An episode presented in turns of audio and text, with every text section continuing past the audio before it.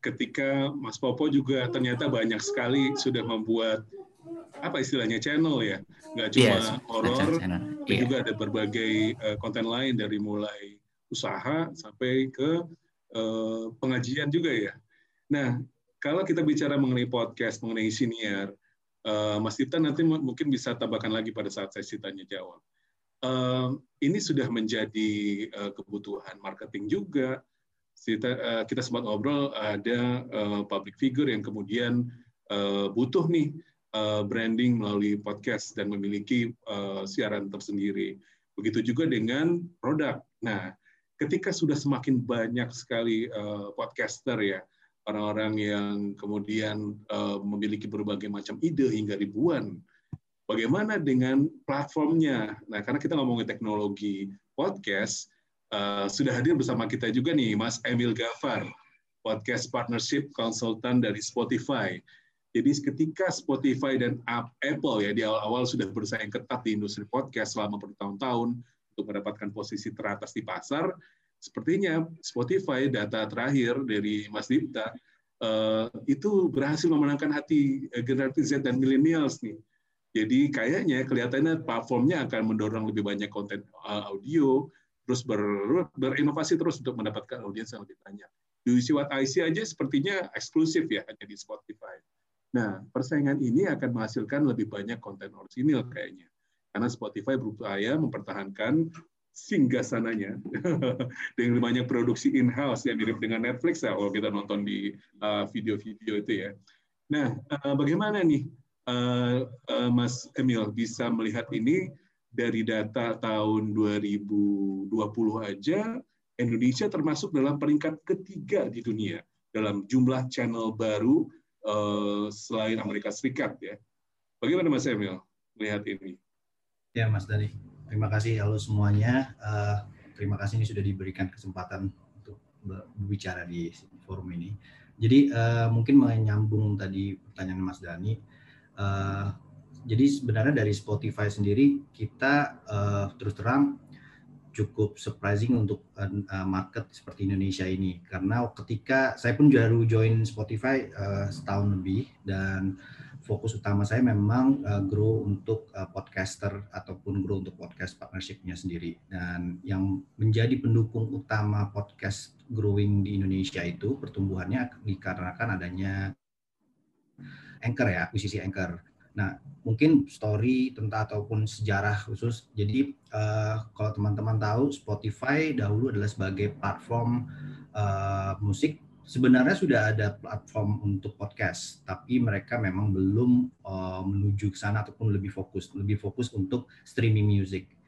Nah, ketika di awal tahun akhir tahun 2018 uh, ada adalah kita maksudnya dari uh, manajemen di Spotify luar sana dan mereka melihat potensi ke depan adalah menjadi nggak hanya menjadi musik platform tapi menjadi audio network. Makanya kami di sini sebagai Spotify uh, ingin menjadi uh, audio network di global. Uh, audio audio network itu apa aja? Konsis dari uh, musik dan talks. Jadi kalau podcast kita sebutnya talks ya karena kan berbicara langsung tanpa ada ada alunan musik dan sebagainya. Kalau Mas Emil, jika ingin menampilkan uh, presentasinya, dipersilahkan. Baik. Saya sudah baca tadi menarik banyak data yang uh, keren nih. Jadi kita uh, para akademisi, dosen-dosen yang sudah bergabung di sini, serta mahasiswa yang um, kebagian uh, mendapatkan uh, tugas ya untuk uh, membuat konten nanti di mata kuliah yang akan diperoleh. Dan ya. saya rasa di industri juga semua udah harus memiliki kemampuan itu ya apakah uh, kemudian uh, podcast ini menjadi salah satu yang harus dimiliki kemampuan untuk membuat ya. maupun menganalisa. Sudah di sisi platform ya, Mas uh, Emil bisa share ke kita. Sudah lihat? Yes, sudah. Oke, oke, oke. Oke, jadi uh, di sini uh, mungkin saya akan nggak run uh, tidak run terus semua, tapi akan saya akan uh, ceritakan tentang uh, kenapa jadinya akhirnya Anchor menjadi fokus utama kita. Uh, pertumbuhan podcast di Spotify uh, seperti yang saya bilang mungkin beberapa sudah tahu bahwa uh, 200% tahun ke tahunnya listening growth di podcast itu cukup besar uh, untuk di audio platform seperti Spotify sendiri. itu secara organik tumbuhnya ya dan kita melihat pendukung utamanya adalah berbagai macam kreator uh, kita sebutnya uh, ataupun podcasters di seluruh dunia. Nah, mungkin dari tadi sudah dijelaskan dari uh, Mas Popo dan Mas Dipta. Jadi saya akan run through aja beberapa hal yang menarik di sini adalah uh, kita melakukan exclusive sign deals dengan beberapa uh, podcaster, terutama juga di Indonesia. Saya ngomongin di Indonesia dengan konten-konten yang bergenre horor, uh, comedy chats, monolog, inspiring stories.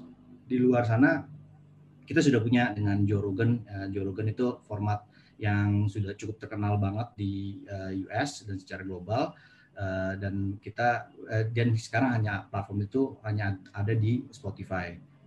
Nah menariknya adalah kita selain dari kita melakukan uh, eksplorasi dengan para kreator ataupun kita sebut podcaster, kita juga menjadi uh, wadah untuk membuat serial. Uh, kalau teman-teman tahu bahwa kita sekarang Eh, semenjak kita tidak hanya fokus di Anchor, kita ada akuisisi suatu perusahaan bernama Gimlet dan Parkas yang men, uh, mereka cukup dikenal untuk memproduksi serial-serial uh, bergenre seperti true crime, kriminalitas dan dokumenter dan lain sebagainya. Di Indonesia sendiri kita sudah melakukan eksekusi itu di pertengahan tahun ini, eh, tahun sorry tahun 2020, uh, yaitu kita melakukan lenyap, kisah horor Yana dan secara market uh, Asia Tenggara kita sudah bekerja sama dengan uh, mungkin uh, dari teman-teman ada yang tahu namanya Nas Daily. Nas Daily biasanya dia lebih dikenal di Facebook yang hanya satu menit uh, ataupun YouTube di satu menit. Tapi sekarang dia ada punya konten bergenre Nas Talk. Nah, uh, akuisisi apa saja yang dilakukan oleh uh, Spotify Uh, jadi kita sudah melakukan akuisisi di tahun 2018 akhir hingga 2019 yaitu Gimlet yang tadi saya bilang dan Parkas adalah uh, studios. Nah, ditambah lagi dengan The Ringer ini adalah uh, studios yang fokusnya di uh, sports uh, untuk jadi kalau di luar di di global market uh, sports itu sangat mendominasi juga seperti uh, ada uh, namanya NBA untuk sportsnya juga dan lain sebagainya. Nah, barulah kita ada juga namanya Anchor. Nah, dengan adanya Anchor ini, uh, saya akan langsung jump in ke Anchor. Ini diakuisisi tahun 2019 bulan Februari. Anchor ini sebenarnya uh, menjadi cikal bakal ya bisa dibilang juga uh, pertumbuhan yang cepat untuk negara seperti Indonesia sendiri. Kenapa? Karena dahulu yang seperti mungkin tadi ada presentasi dari Mas Dipta adalah dahulu distribu untuk melakukan uh, apa melakukan podcast kita harus ada platform berbayar. Nah ini sekarang disuguhkan dengan platform uh, free atau gratis disebut Anchor. Jadi teman-teman cukup download gratis di App Store maupun uh, Play Store dan itu langsung bisa kayak seperti voice note uh, rekam suara di handphone langsung distribusi uh, dalam beberapa menit ke Spotify dan beberapa hari ke Apple Podcast dan sebagainya. Menariknya adalah secara kita melihat uh, kenapa akuisisi itu terjadi, kalau pertumbuhan yang teman-teman lihat di sini 75% secara uh, number itu podcast itu di-generate melalui Anchor untuk ke spot, uh, untuk ke platform Spotify secara global. Jadi bayangkan bahwa dominasi tadi yang seperti saya bilang uh, pertumbuhan ini didongkrak oleh Anchor akuisisi, akuisisi juga dan itu menumbuhkan uh, global market seperti tidak hanya US ya, jadi kita juga melihat Brazil, Meksiko, uh, juga Jerman uh, sendiri, Australia uh, dan India itu juga menjadi pertumbuhan yang besar semenjak Anchor diakuisisi. Jadi uh, dahulu uh, dominasi masih di US centric kita sebutnya. Sekarang dengan adanya akuisisi Anchor dalam setahun lebih, setahun setengah, ada 169 negara sudah menggunakan uh, Anchor dengan menggunakan 475 bahasa di sini 475 bahasa bukan berarti di dalam aplikasinya, tapi orang yang menggunakan dialek bahasa mereka sendiri. Bahkan di Indonesia sendiri, kalau teman-teman tahu sebenarnya tidak hanya bahasa Indonesia yang digunakan sekarang, sekarang kita juga melihat ada pertumbuhan orang-orang berbahasa Jawa, Sunda, dan lain sebagainya. Dan itu cukup bagus karena mereka men, uh, membuat uh, konten yang sifatnya kedaerahan uh, akan tinggi gitu. Di sini makanya uh, penunjang 80% ternyata dulu dulunya 80% itu di angka di Amerika, sekarang 80% kebalikan malah dari global yang mendongkrak pertumbuhan podcast uh, show ini di di Spotify. Mungkin bertanya kenapa sih Anchor? Jadi yang tadi saya jelaskan semenjak akuisisi ini pertama Anchor itu free. Uh, jadi orang ketika disuguhkan dengan platform yang oh mudah sekali, tidak banyak memakan data, tidak banyak memakan ya istilahnya uh, resource dan lain sebagainya dan cukup langsung uh, one click away istilah bahasanya itu langsung bisa menjadi exclusive creation, bikin create aja kontennya, free hosting tidak ada dikenakan jasa apa pun, Anda disuguhkan dengan analytics, jadi Anda bisa melihat jumlah pendengar Anda, uh, umur demografinya, male female-nya, dari daerah mana yang cocok dan sebagainya. Dan ada juga network support mungkin kalau misalnya itu ada di untuk email dan dedication uh, creator relationship-nya juga. Ini bisa diakses di tidak hanya di mobile tapi juga di desktop maupun iPad ataupun tablet ya. Nah, konten-konten yang di sini adalah sebenarnya punya Anda. Jadi kayak ketika kita bikin konten pasti uh, ini semuanya pasti udah punya belong to kalian jadi sebenarnya. Cuma saya mungkin di sini saya tidak menambahkan di slide ini tapi saya hanya beberapa pointer yang saya mau highlight. Berbicara mengenai podcast, di sini kami sangat uh, istilahnya sangat ingin memberikan informasi kepada uh, para podcaster ataupun konten creator bahwa podcast itu um, untuk mohon selalu dijadikan sebagai sebagai bahan bahwa itu adalah obrolan ataupun talks ataupun apa pun tidak ada unsur musik. Kenapa? Karena uh, kita sebagai platform musik juga itu sangat menjaga bahwa uh, kreasi orang menggunakan uh, musik uh, itu tidak baik. Jadi makanya sekarang di kami uh, kita punya tim yang di mana melihat uh, penggunaan musik yang illegal ataupun langsung download uh, apa pun upload uh, musik itu uh, secara otomatis ada tim kami yang akan men-shutdown ataupun mengkurasi supaya tidak ada uh, musik yang beredar di podcast. Ini tujuannya untuk supaya supaya environment ini sehat ya dan tidak ada kita pengambilan konten dari orang. Kadang-kadang banyak orang yang akan komplain bahwa oh, konten saya ditarik dari platform lain terus masuk sini. Itu itu pasti akan ada ada tim yang menangani khusus dengan email ke ataupun klaim ke uh, ke tim uh, global kami. Kedua, uh, kita mencoba meng-highlight. Selalu saya saya selalu meng-highlight hindari penggunaan sara jadi tidak ada kalau bisa tetap positif dan sebagainya, lebih ke motivasi dan sebagainya. Dan selalu uh, pastikan ya konten yang Anda lakukan itu bermanfaat juga buat tim uh, audiens yang kalian highlight. Nah, kalau ada teman-teman yang pengen lebih tahu, teman-teman bisa langsung ke blog.anchor.fm ini sendiri. Dan nanti uh, di sini sebenarnya ada berbagai banyak update fitur-fitur ke depannya. Semoga tahun 2021 ini akan ada fitur-fitur baru dari Anchor yang untuk menyuguhkan para eh, kreator apa yang bisa dibantu lagi dan sebagainya. Mungkin dari saya sih itu mas untuk Iya. menarik ya. Jadi Pak Hasan rekan-rekan uh, mahasiswa uh, Sunu yang saya lihat ya dosen-dosen yang lain yang sudah bergabung juga saya mencoba sendiri nggak tahu nih. Coba deh pakai Anchor. Oke. Okay. di situ kita bisa langsung invite yang akan diajak dialog misalnya kalau itu berupa dialog terus uh, ada juga musik dan sebagainya yang bisa kita edit di situ. Terus selesai misalnya nggak perlu diedit uh, musik canggih-canggih uh, uh, dulu deh. Saya publish nggak lama muncul di Spotify. Itu kayaknya yang waduh ada ada konten saya di antara Do You See What I See? Di antara podcast-podcast lain yang terkenal tuh kayaknya yang wah memicu untuk bisa bikin hmm. lebih seru lagi nih kayaknya bisa gue gitu. Jadi teman-teman sekarang uh, silakan tuh ada mulai ada yang bertanya nanti kita masuk ke sesi berikutnya ya. Ditanya jawab udah mulai nanya cuan, udah mulai nanya macam-macam nih. Nanti tunggu dulu ya. ya, ya. Dijawab Mas Emil, Mas Tirta dan uh, uh, Mr. Popo dan uh, sekarang menjadi Papa Popo ya lagi mengasuh putrinya. Tapi ada satu hal nih, kita sekarang sedang eh, eh, membahas sebenarnya pada eh, sisi akademis. Beberapa dosen sudah mulai membuat konten yang terkait dengan pendidikan.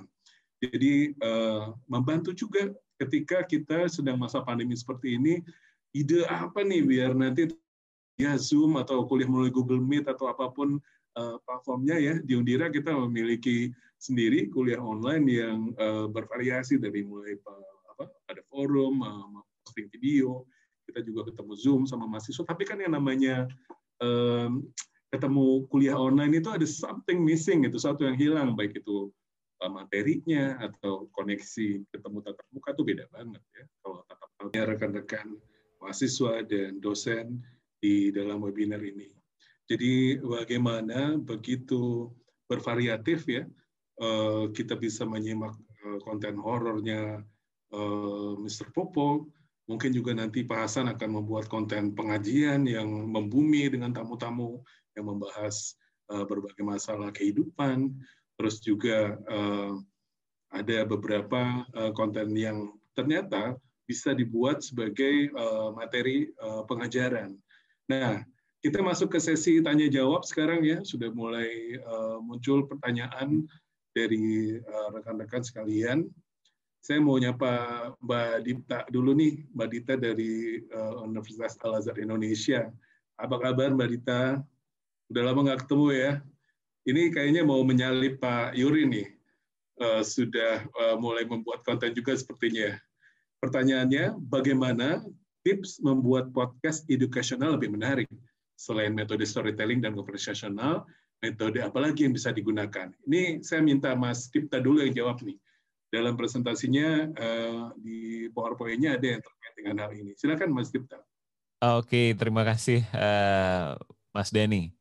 Terkait uh, pendidikan ya, sebenarnya uh, banyak cara yang bisa kita tempuh gitu. Uh, kalau dari Pak Yuri mungkin Pak Yuri juga rasanya tidak akan berhenti dengan format yang sekarang, mungkin akan ada format-format yang dieksplor lagi ke depannya. Mungkin bisa ke salah satu bentuk yang menarik adalah bentuk kalau dari saya sebagai pengonsumsi adalah dokumenter sebenarnya.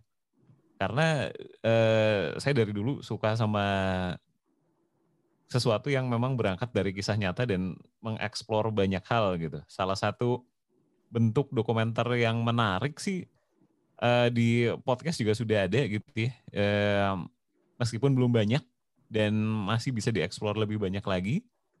Uh, di situ sebenarnya kita bisa menyelipkan banyak materi pembelajaran gitu. Dan uh, terkait isu-isunya ya isunya bisa disesuaikan dengan apa yang sedang naik daun saat ini gitu. Mungkin ada dari partnernya Mas Yuri, uh, Pak Yuri kan punya partner Mas Gora ya, Radita Gora itu dia pernah membuat uh, salah satu penelitian tentang pijat plus plus. Nah, pijat plus plus ini kan sebenarnya punya kalau kita lihat dari kacamata edukasi juga ada sesuatu yang menarik gitu ya, mungkin jurnalisme investigasi misalnya gitu kan. Nah, kalau dibuat dalam format yang lebih uh, dari sekedar penyampaian materi satu arah yang cuma monolog aja gitu uh, atau interview yang mungkin akan cenderung membosankan dalam format uh, dokumenter ini rasanya bisa dieksplor sih gitu. Ya, saya setuju tuh. Mas Gora kayaknya hadir di sini lagi senyum-senyum tuh, mengingat disertasinya yang menarik itu sampai Pak Yuri bikin edisi khusus mengenai pijat plus plus ya Pak. Jadi Mbak Dita mungkin uh, bisa terjawab ya. Jadi uh, salah satunya metode, metode storytellingnya mungkin versi uh, misalnya jika untuk mata kuliah jurnalistik uh, dokumenter bisa dibuat uh, dalam bentuk yang uh, ya investigasi tadi mungkin effortnya lebih besar nih.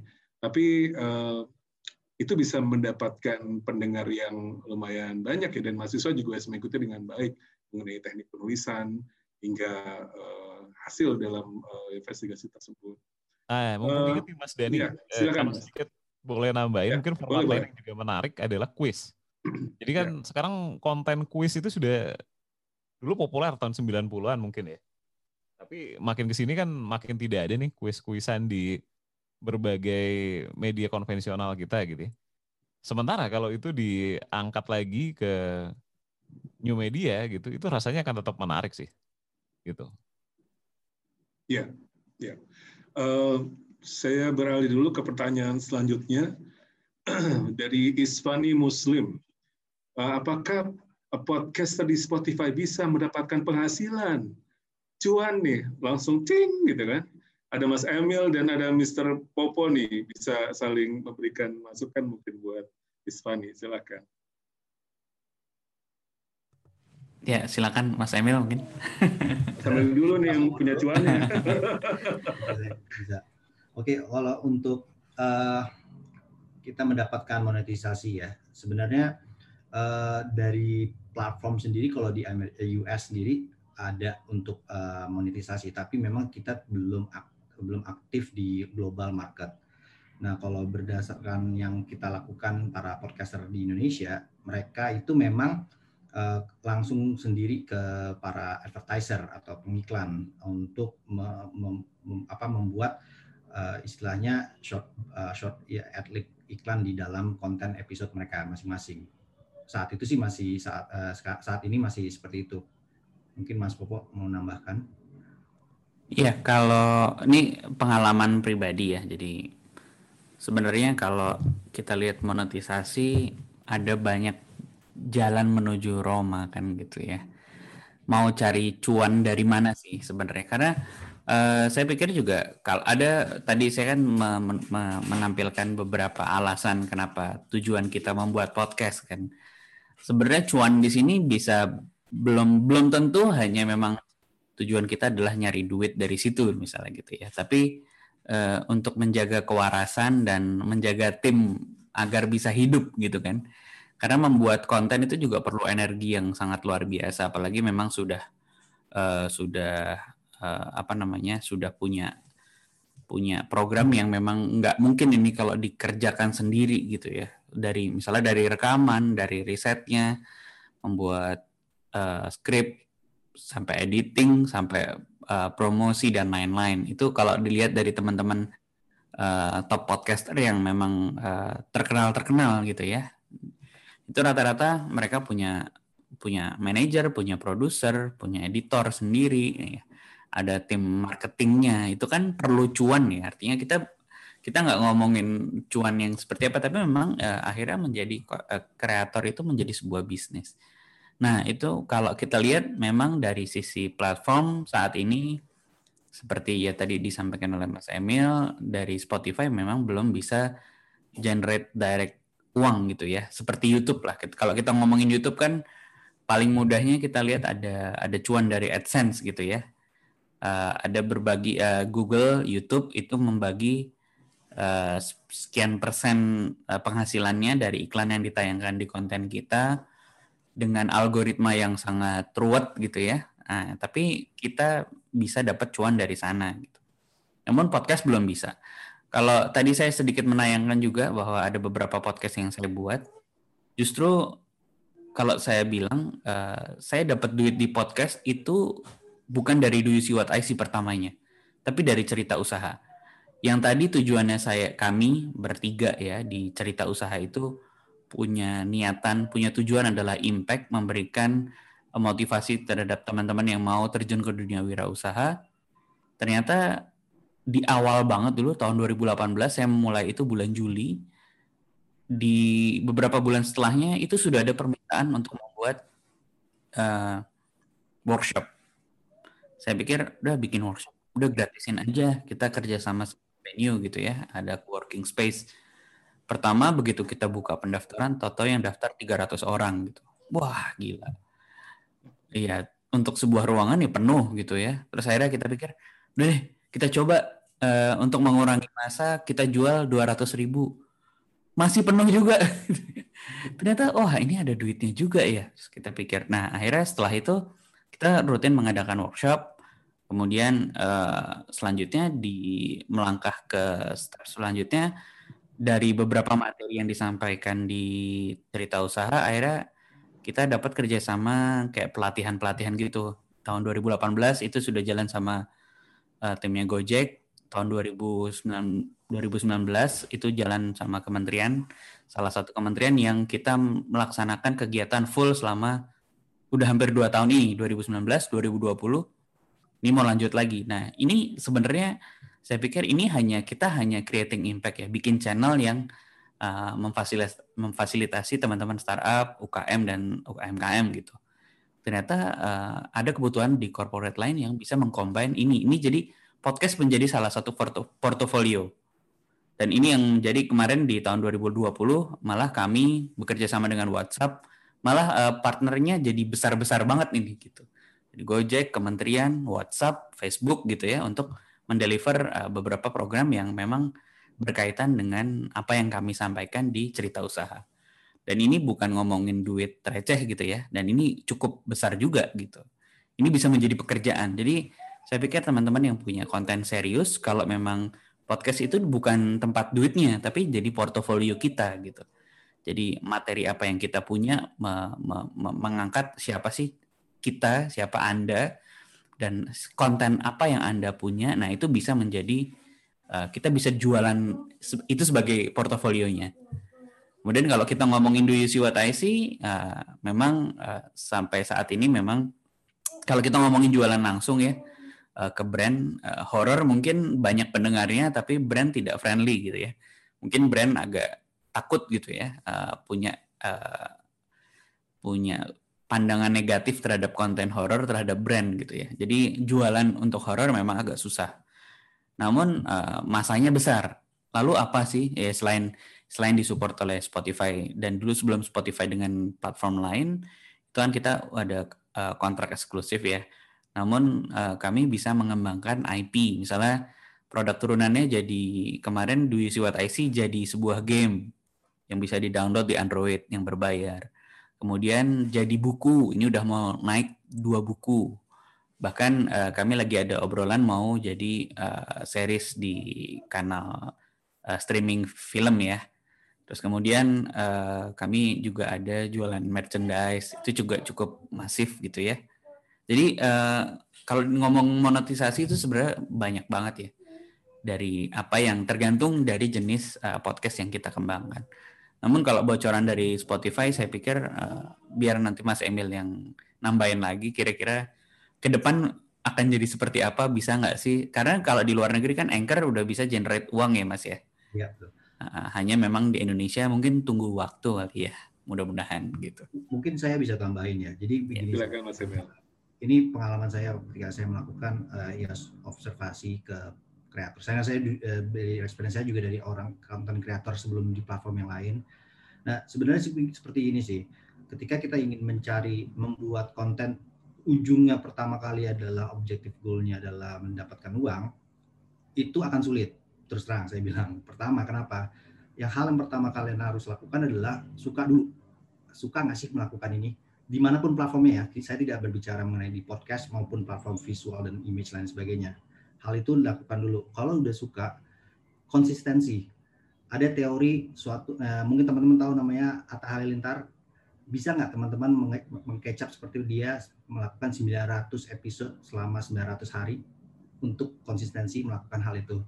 Untuk menjadi sebesar itu. Dan para kreator sekarang banyak mulai ya kalau teman-teman lihat di platform lainnya itu seperti itu. Karena saya juga menghandle dulu sebelumnya youtuber dan sebagainya melakukan itu konsistensi setiap hari. Ketika sama juga dilakukan di podcast. Podcast itu sebenarnya algoritma yang terjadi adalah anda melakukan setiap hari sesering mungkin itu akan lebih dikenal.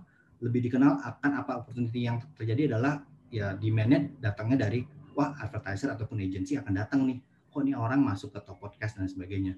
Itu eh, itu teori simpel dulu ya. Mungkin itu sih. Kalau dari segi platform pertama eh, platform kalau untuk sebagai podcast teman-teman sebagai pendengar dulu ya kita ngomong kita sebagai pendengar. Suka nggak sih dengan uh, tiba-tiba interupsi dengan adanya iklan? Karena yang terjadi adalah kita sebagai platform tidak ingin kayak tiba-tiba dijujukin suatu konten dengan iklan-iklan. Bahkan kayak seperti kayak uh, kita sebagai platform musik teman-teman dengar kalau yang menggunakan Spotify for free ataupun free aplikasinya itu pasti ada enam lagu baru iklan. Jadi tidak interupsinya tidak tiba-tiba langsung ini kan. Itu itu jangka waktu yang terjadi. Nah makanya kita dari segi platform ingin menjaga itu. Karena kita pengen supaya yang di, yang ditampilkan konten dahulu. Sebenarnya dan kedua kalau ngomongin soal beriklan UKM SMB small medium business itu menjadi faktor utama untuk podcaster. Lihat di global mereka kalau teman-teman dengar uh, podcaster podcaster dari Amerika mereka yang mereka uh, di uh, episode sponsor by bahkan kayak uh, properti real estate gitu uh, coffee shop seperti itu yang tidak besar namanya tapi itu potensi di daerah yang mereka dulu gitu mungkin itu sih tambahan buat dari saya Baik, terima kasih Mas Emil itu jawaban cuan panjang lebar harusnya bisa memberikan inspirasi ya. ya. Jadi dari Mr. Popo yang uh, sudah memiliki banyak uh, podcast sampai dari platform sendiri sudah dijelaskan dengan sangat uh, baik. Ada uh, pertanyaan dari mahasiswa Undira dari Bahtiar Effendi, Gilbert Leonardo, dan Ajeng. Uh, pada intinya uh, mereka bertanya mengenai bagaimana uh, bisakah memberikan rekomendasi channel podcast yang uh, penting untuk uh, pengetahuan ya tentang uh, untuk komunikasi terutama terus bagaimana apakah ada tutorialnya ketika akan membuat uh, konten melalui Anchor silakan mungkin nanti ini ke Mas Emil lagi nih tapi pertanyaan ini kepada seluruh narasumber katanya silakan podcast edukasi ya, Mas ya, Dani? Betul. Uh, sebenarnya kalau dicari banyak ya uh, podcast edukasi. Uh, kalau teman-teman mau bicara mengenai yang mungkin ini mungkin kalau saya pribadi ya ada namanya Neil Patel. Uh, dia buat konten podcast namanya Marketing School, Digital Marketing and Online Marketing Tips. Di situ teman-teman bisa lihat di Spotify, uh, namanya Neil Patel dan Eric Su, Chiu. Itu cukup menarik sih, hanya sekitar lima menit tips and tricks tentang digital marketing, how to-nya dengan marketing. Dan itu kalau lebih ke kalau uh, edukasi marketing ya, tapi kalau beberapa uh, edukasi yang lainnya ada saja sih yang lainnya gitu. Bisa dicari. Itu mungkin dari ya. saya. Uh, teman-teman yang lain, ya. Uh, Oke, okay. uh, mungkin nambahin kali ya untuk konten edukasi dari lokal itu sebenarnya cukup banyak seperti yang tadi dibilang Mas Emil. Kalau Mas Emil contohnya dari luar, mungkin kalau pembelajaran umum dari lokal bisa cek 30 Days of Lunch. Itu uh, materi tidak mungkin tidak berhubungan dengan materi kuliah ya, itu banyak banget. Ada investasi, ada macam-macam lah. Kalau mau pembelajaran tentang uh, leadership juga ada di situ. Terus kalau mau belajar bahasa ada uh, yang baru-baru ini muncul ada podcast namanya KBBI kita belajar bahasa ini itu bahasa macam-macam dari uh, seluruh Indonesia itu beberapa channel yang bisa kalian eksplor sih kalau dari lokal itu. Thank you Mas Dipta. Uh, kandidat Tritsiani uh, dari IISIP dan Ajeng saya rasa sudah terjawab juga ya dari uh, jawaban para narasumber tadi untuk uh, anchor juga bisa dicoba sendiri tuh. Utak-utik sendiri aja saya coba aja langsung bisa publish ada di Spotify. Keren banget. Jadi uh, sayang waktunya sangat terbatas buat kita ya. Seru banget nih banyak uh, beberapa pertanyaan lain yang saya rasa sudah uh, terwakili. Mas Dipta ada ini nggak informasi yang uh, terkait workshop yang rencananya ah, okay. akan kita selenggarakan sebelum uh, saya tutup webinar ini? Iya, terima kasih Mas Denny. Uh, Ya mudah-mudahan semuanya lancar seperti yang eh, kita uh, sudah tahu kalau tahun lalu Pabrik Suara Rakyat bekerja sama dengan Siberkreasi menyelenggarakan kelas podcast Siberkreasi selama bulan Agustus sampai Desember tahun lalu. Nah di tahun ini kemungkinan kita akan melanjutkan program tersebut. Uh, mulainya kalau tidak ada alarm melintang di Februari dan akan berakhir di akhir tahun 2021. Dan rencananya juga ya, akan menggandeng teman-teman akademisi dari UIA, Undira, dan berbagai eh, kampus-kampus uh, yang lain. Iya, jadi kita udah siap nih untuk buka gongnya di Undira dan ah. di Al Azhar. Semua yang ikut peserta di sini bisa yeah. bergabung gratis. Mhm. ya. Uh, Mas Dani, saya boleh yes. nambahin sedikit ya?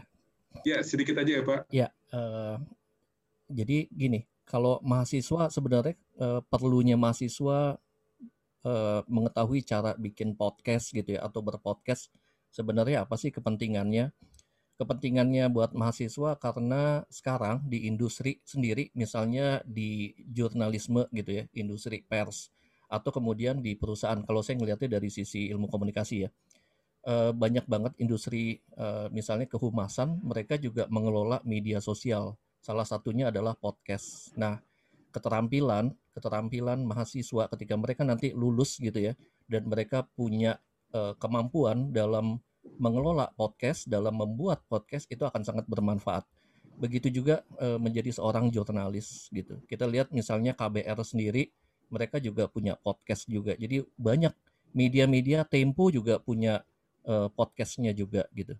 Makanya uh, uh, mengacu kepada tadi yang disebut oleh Mas Dipta gitu ya. Kalau uh, nanti ada uh, apa? Ada pelatihan, ada workshop yang diselenggarakan oleh Siber Kreasi bekerja sama dengan PSR Pabrik Suara Rakyat dengan Undira dan UAI ini akan sangat uh, bermanfaat untuk mahasiswa. Demikian Mas Dani. Baik, terima kasih uh, Pak Yuri. Saya setuju sekali dan rekan-rekan uh, sekali lagi saya ucapkan banyak terima kasih nggak cukup kayaknya kita berhenti ngomongin teori uh, dan uh, nggak melakukan tindakan ya. Mas Emil sudah menyampaikan di platform tuh gampang banget di Anchor bisa bikin dengan mudah. Mas Kita dan uh, eh, Mr. Popo apalagi sudah menyampaikan banyak sekali pengalaman dan teknik-teknik bagaimana membuat konten yang menarik uh, dan tengah begitu banyaknya podcaster senior yang beredar, kita masih bisa tampil walaupun bukan artis. Baik, uh, saya tutup uh, webinar di kali kesempatan kali ini. Terima kasih banyak uh, sebelum apa kita mendengarkan wajangan dari Pak Hasan kembali. Terima kasih banget buat teman-teman yang udah hadir, Mas Emil dari Spotify. Uh, Mr. Popo dari Do You See What I See? I see Masih someone behind you, Mr. Popo. Mas Yufta keren banget ya. Semoga Undira dan UAI, uh, saya bersama Pak Yuri akan mendukung penuh uh, kegiatan uh, workshop nanti. Insya Allah Pak Rektor dan Pak Warek juga sudah mendukung di Undira ya.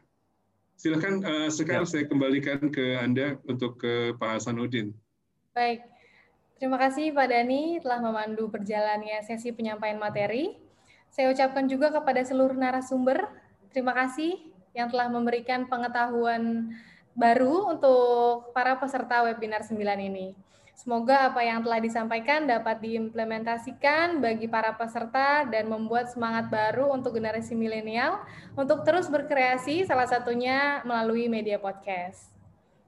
Selanjutnya, eh, kami persilahkan kepada Bapak Hasanuddin Toyib untuk dapat menyampaikan sambutan penutup pada webinar ke-9 hari ini. Kepada Bapak Hasanuddin kami persilahkan. Oke, terima kasih Mbak Kar. Assalamualaikum warahmatullahi wabarakatuh. Alhamdulillah eh, bahagia sekali pada sore hari ini eh, tanpa terasa waktu berjalan demikian cepatnya dan eh, sebuah indikasi sebetulnya ketika waktu cepat sekali berakhir bahwa masa yang kita lalui itu sangat menyenangkan. Nah, khususnya pada sore hari ini, um, mohon diizinkan atas nama seluruh manajemen Undira mengucapkan terima kasih sebesar-besarnya kepada seluruh narasumber kita. Yang pertama saya sampaikan kepada Mas Dipta, itu luar biasa sekali, sangat inspiring apa yang disampaikan oleh Mas Dipta uh, pada sore hari ini. Dan uh, saya juga ingin belajar banyak lagi nanti bagaimana cara bisa uh, tampil dengan baik. Nanti Mas Dani ya, uh, agar uh, ketika kita menyajikan dalam acara ngaji bareng online terutama uh, bisa lebih um, uh, apa meningkatkan efektivitas ya uh, di dalam penyajian acara. Nah kemudian Nanti dikontrak sama Mas Emil langsung. Dengan, kenapa? Eksklusif di kepada Mas, Mas Yuri juga, terima kasih Mas Yuri. Uh, saya kira uh, kita banyak uh, uh, perlu mengaplikasikan ya tips yang disampaikan oleh Mas Yuri sehingga nanti dalam proses uh, belajar mengajar di Undira juga uh, bisa kita uh, terapkan apa yang disampaikan oleh Mas Yuri. Kepada Mas Emil luar biasa Mas Emil uh, banyak hal yang uh, saya kira yang disampaikan oleh uh, Mas Emil ya dapat menginspirasi kita semuanya dan saya rasanya kepingin kalau saat masih memungkinkan namun saya kira saya harus tahu diri juga. Tapi kepada para mahasiswa mahasiswi Undira ataupun Al Azhar saya kira um, apa yang dicapai oleh uh, Mas Emil itu kan uh, sangat uh, reflektif dan sangat bisa kita terapkan juga pada uh, wilayah kita masing-masing. Nah, tentunya uh, kepada teman-teman mahasiswa dan mahasiswi dari apa yang kita dapati pada diri Mas Emil misalnya dari Mas Dipta atau Mas Yuri dan juga Mas Popo bahwa segala sesuatu itu kan sepanjang kita memiliki uh, tujuan yang jelas ya. Uh, jangan terburu-buru melihat masalah uang yang tadi disampaikan oleh Mas Emil ya. Uh, maka kalau uang itu hanya singkat sekali gitu kan. Jadi eh, sebaiknya kita tidak berpikir masalah uang dulu, tetapi kita harus mampu menghadirkan seperti apa yang dipraktekkan oleh para narasumber kita, bagaimana ada tujuan murni yang ingin kita tempatkan di dalam eh, aktivitas yang ingin kita lakukan itu. Jadi kita harus eh, membawa mengedepankan jadi nilai-nilai luhur dulu dari apa yang ingin kita lakukan. Nah sepanjang nilai-nilai luhur itu mampu kita munculkan, maka insya Allah di dalam kita melaksanakan tugas-tugas itu seberat apa pun tantangan yang kita hadapi, maka kita akan enjoy saja gitu kan. Nah tadi saya mendengar uh, dari siapa ya? Dari Mas Dipta atau dari Mas Emil ya? Uh, dari Mas Dani bahwa uh, pengalaman uh, ini ya uh, uh, Halilintar atau Halilintar. Mas Dita tadi menyampaikan ya. Uh, dari Mas Emil ya. Bisa dibayangkan 900 hari nonstop gitu kan ya uh, mengisi konten-konten itu dan pada saat awal saya yakin bahwa mereka tidak berpikir bahwa mereka akan mencapai sukses seperti yang mereka dapati sekarang ini. Nah, saya merasakan sendiri Mas Emil ya, walaupun masih sangat jauh sekali ya dibandingkan apa yang sudah dicapai oleh uh, Mas Dipta, uh, Mas Popo, kemudian Mas Yuri ataupun Mas Emil sendiri. Uh, dari apa yang saya alami sendiri di dalam bersama-sama dengan teman-teman dari Undira di backup oleh Profesor Suaryadi di dalam kita melaksanakan ngaji bareng online ini, pada awalnya kita nggak kepikir gitu. Kita hanya sekedar memindahkan acara ngaji bareng yang kita laksanakan di masjid depan rumah saya yang pesertanya hanya 12 orang paling banyak setiap hari. Dan kita telah menjalani itu selama tujuh tahun. Nah, ketika kita memindahkan eh, ke media virtual ini, saya pikir saya sampai bilang ke teman-teman dua orang pun pesertanya kita tetap jalankan ini, gitu kan ya? Karena kita berpikir hanya memindahkan 15 orang yang di masjid eh, yang kita tidak bisa melaksanakan lagi di masjid ke media virtual sungguh tidak pernah kita terbayangkan bahwa tiba-tiba sekarang kita sudah mau 9 bulan non-stop setiap hari. Dan tiba-tiba pesertanya kok bisa istiqomah mereka sampai dengan 400 orang setiap hari itu. Nah, eh, jadi saya kira eh, apa yang dipraktekkan oleh Mas Dipta, Mas Emil, kemudian Mas Yuri, Mas Popo gitu kan ya, saya yakin bahwa uh, seperti halnya sukses yang didapat oleh Google, oleh Facebook, gitu kan, uh, oleh uh, Bukalapak, coba deh dicek. Maka semua usaha-usaha yang besar itu diawali dengan ada sebuah keinginan luhur, ada luhur sekali keinginannya seperti halnya kita dapat di Facebook itu. Facebook itu kalau kita membaca kisahnya dia hanya sekedar membantu teman-temannya bagaimana agar reuninya gampang gitu atau ketika Google Google itu dia hanya sekedar bagaimana membantu agar teman-temannya menyusun disertasi, menyusun skripsi itu gampang cari data gitu loh. Nah, Bukalapak gitu. Saya mendengarkan uh, sharing dari CEO-nya bahwa tujuan awal dia bikin itu dia peduli kepada pedagang-pedagang kaki lima gitu. Bagaimana sih pedagang kaki lima ini uh, bisa mengembangkan bisnisnya seperti halnya konglomerat-konglomerat itu dan dia bantu dengan sistem. Dan masya Allah ternyata bisa booming. Nah, saya kira inilah yang paling uh, yang uh, saya kira uh, yang harus kita ambil ya dari pengalaman sukses ya narasumber kita pada hari ini. Oke, kita mu mulai berpikir tentang orang lain, jangan berpikir tentang kita gitu. Apa yang bisa kita contribute kepada orang lain. Kalau kita sibuk memikirkan orang lain sehingga kita tidak sibuk memikirkan diri sendiri, maka Allah yang akan memikirkan diri kita. Nah, sekarang lebih enak mana kita memikirkan diri kita atau Allah yang memikirkan diri kita? Maka pasti Allah yang yang maha hebat yang bisa membuat kita. Nah, selama ini uh, saya merasakan benar uh, bahwa kenapa sukses itu tidak mampir di dalam kehidupan kita karena kita sibuk memikirkan kepentingan diri sendiri, lupa bahwa sebetulnya kita ini diciptakan untuk berkontribusi. Ketika kita memikirkan orang lain, maka otomatis persoalan kita akan teratasi dengan sendirinya. Nah, eh, akhirnya pada sore hari ini eh, kami ucapkan terima kasih sekali lagi kepada eh, Mas Emil, kepada Mas Dipta, kepada Mas Yuri, Mas Popo, eh, dan luar biasa kepada Mas Dani selaku moderatornya. Eh, dan saya kira yang paling istimewa sekali adalah eh, para peserta seminar hari ini. Apalah arti seminar kita kalau salah tidak dihadiri oleh adik-adik mahasiswa dan mahasiswi eh, yang membuat eh, acara hari ini menjadi semarak. Dan pada akhirnya kita bersyukur pada Allah Subhanahu wa taala bahwa acara hari ini dapat berlangsung dengan baik. Mudah-mudahan kerjasama antara Undira dengan Al-Azhar dapat terus kita kembangkan. Kita bikin lagi webinar-webinar uh, dan konten-konten lainnya yang yang uh, yang uh, bermanfaat. Dan kepada para narasumber sekali lagi kami sampaikan terima kasih dan penghargaan yang setinggi-tingginya. Seraya berharap mudah-mudahan hari ini hanya sekedar awal ya kerjasama kita kolaborasi kita, sinergi kita, dan kami berharap sekali kepada Mas Dita, Mas Emil, Mas Yuri, kemudian Mas Popo, eh, mahasiswa-mahasiswi Undira sangat memerlukan sekali support dari teman-teman semuanya. Mudah-mudahan diberikan kemudahan untuk eh, bersama-sama kita membangun negeri ini. Saya kira demikian eh, atas nama pribadi dan juga secara kelembagaan mohon maaf uh, sebesar-besarnya apabila di dalam kami menyajikan acara ini uh, terdapat segala sesuatu yang boleh jadi kurang pada tempatnya atau kehilapan di dalam uh, menyampaikan dan menyajikannya.